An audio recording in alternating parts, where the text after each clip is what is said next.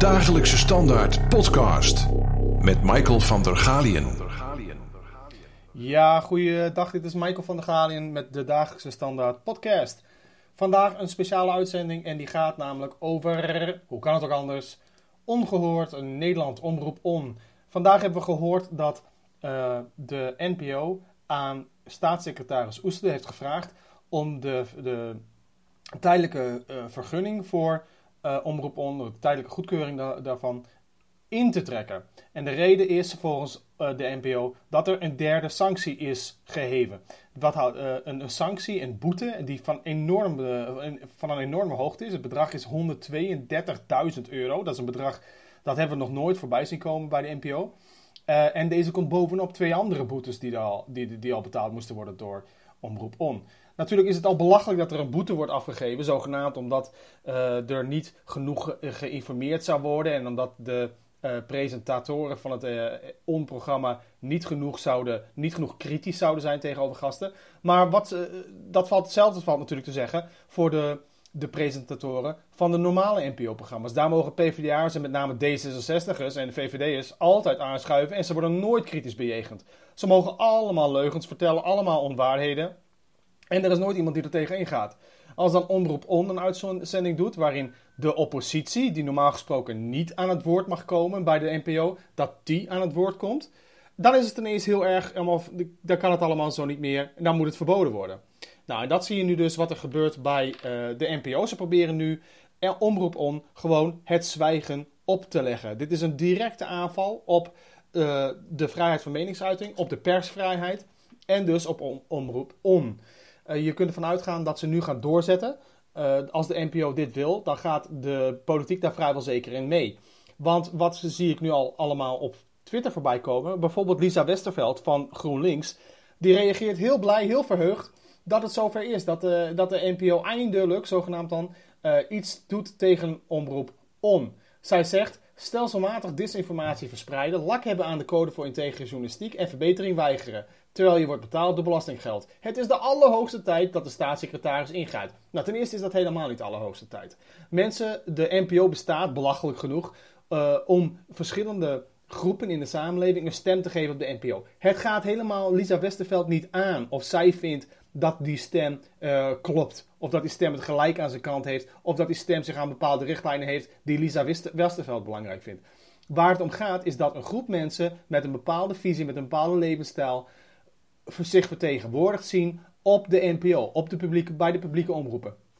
En dat is Omroep On, doet dat. Er is een heel stuk deel, een groot deel van de Nederlandse bevolking die zich niet gehoord voelt en weet in Hilversum zonder Omroep On. Daarom is Omroep On opgericht en daarom heeft trouwens ook heel goede kijkcijfers op het, op het tijdslot waar normaal totaal niemand trekt. Uh, maar dat interesseert Lisa Westerveld niet. Die zegt, ja, hier is het sanctierapport. En dan vervolgens zegt ze, wat mij betreft je maar, kun je maar één conclusie trekken. En dan vervolgens wordt ze natuurlijk op aangesproken, die mensen. Die zeggen van, ja, hallo, desinformatie. Misschien dat uh, Omroep On af en toe eens dingetjes uitzendt die niet helemaal kloppen. Maar er zijn heel veel dingen die bij de andere omroepen worden uitgezonden die niet kloppen. En dan zegt ze, ja, ik word een beetje moe van de coronavergelijkingen. Want ja, tijdens de pandemie zijn ook dingen verteld beloofd die niet waar bleken te zijn. Dat hebben we al vaak benoemd. En niet voor niets komt er een parlementaire enquête. Maar het heeft weinig met on te maken. Nee, het heeft hartstikke veel met on te maken. Want het bewijst dat on juist op die punten achteraf gezien gelijk heeft gehad. En dat de media, de NPO, die de autoriteiten alle ruimte gaven om hun desinformatie te verspreiden, die zijn er totaal niet op aangesproken. Er komt een parlementaire enquête, maar er komen geen sancties tegen al die omroepen, de, de BNN-Vara van, van deze wereld, BNN-Vara, dat gewoon... Uh, al die politici, al die zogenaamde doktoren, al die experts, die allemaal mee hebben gewerkt aan, het, aan een coronadictatuur, om die eh, te bestraffen. Die mensen hebben alle ruimte gekregen om hun leugens te verspreiden, om te zeggen dat de avondklok werkte, dat uh, het vaccin heel effectief was in het voorkomen van corona, uh, dat je als, je corona als je het vaccin kreeg, dan kon je het niet meer verspreiden aan corona. Dat zijn dus allemaal leugens die verspreid zijn bij de NPO, bij Nieuwsuur en bij al die achterlijke talkshows daar. Um, dus wat je hier ziet is te volstrekt belachelijk. En ze wil nu dus dat Omroep On uit het bestel gegooid wordt. En dat ze dus uh, privé, privaat zullen moeten gaan. Maar dat is natuurlijk tegenwoordig gewoon onbetaalbaar om even een zendertje op te richten. Zeker als Omroep On zijnde. Dus het grote idee is nu, Omroep On gaat van de buis gesloopt worden. Straks alleen nog maar te zien online, op YouTube, op Rumble. Uh, YouTube gaan ze waarschijnlijk ook wel weer uh, bannen straks. En dan misschien dan kun je het alleen nog kijken op Rumble en meer van deze zulke media, alternatieve media.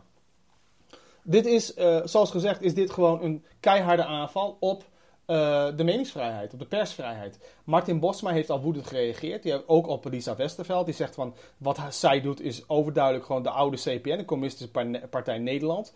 Uh, nou, dat klopt helemaal. Het zijn Stalinistische praktijken die we opeens weer terug zien komen.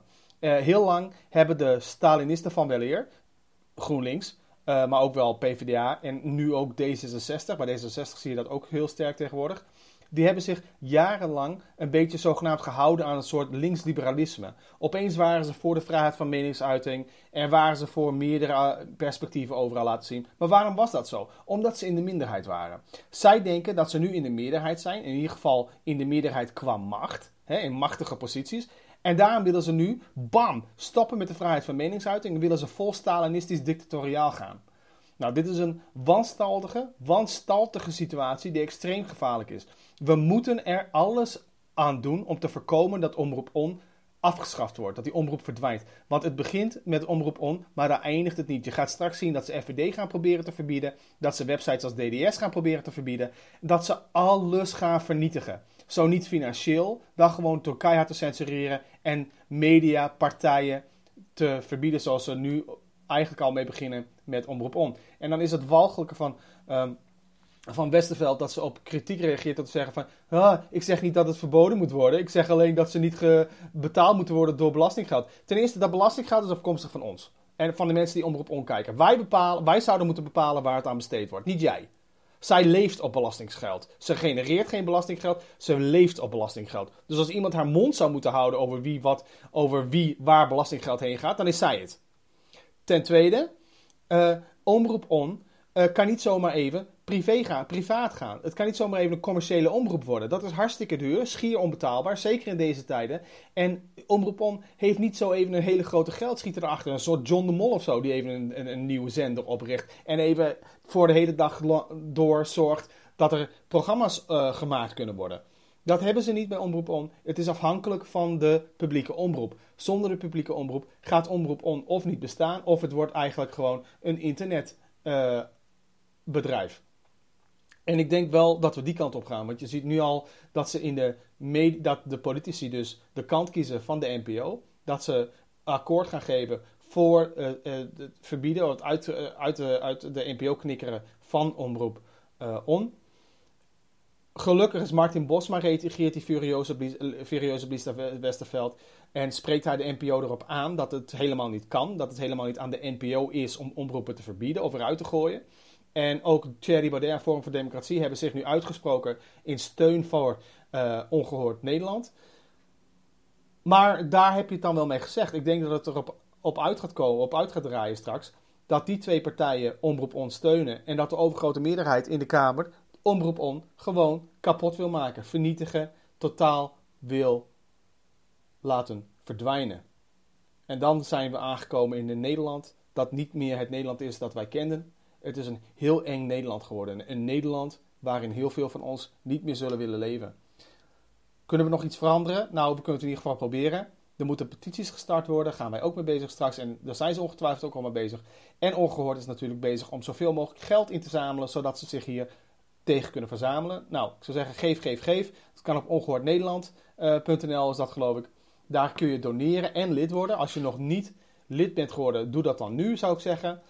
Uh, ik krijg, ik, normaal gesproken maken we niet zomaar even reclame natuurlijk voor andere media, maar dat doen we nu wel. Want het is van ongelooflijk groot belang dat er iets gedaan wordt. Ik zie nu trouwens, het is ongehoordnederland.tv. Word lid daar of doneer, of allebei. En zorg ervoor dat Omroep On in ieder geval terug kan vechten. Want dat ze deze strijd kunnen winnen, dat denk ik niet. Maar ze kunnen in ieder geval wel een vuist maken en het proberen. En dat is al heel veel waard tegenwoordig.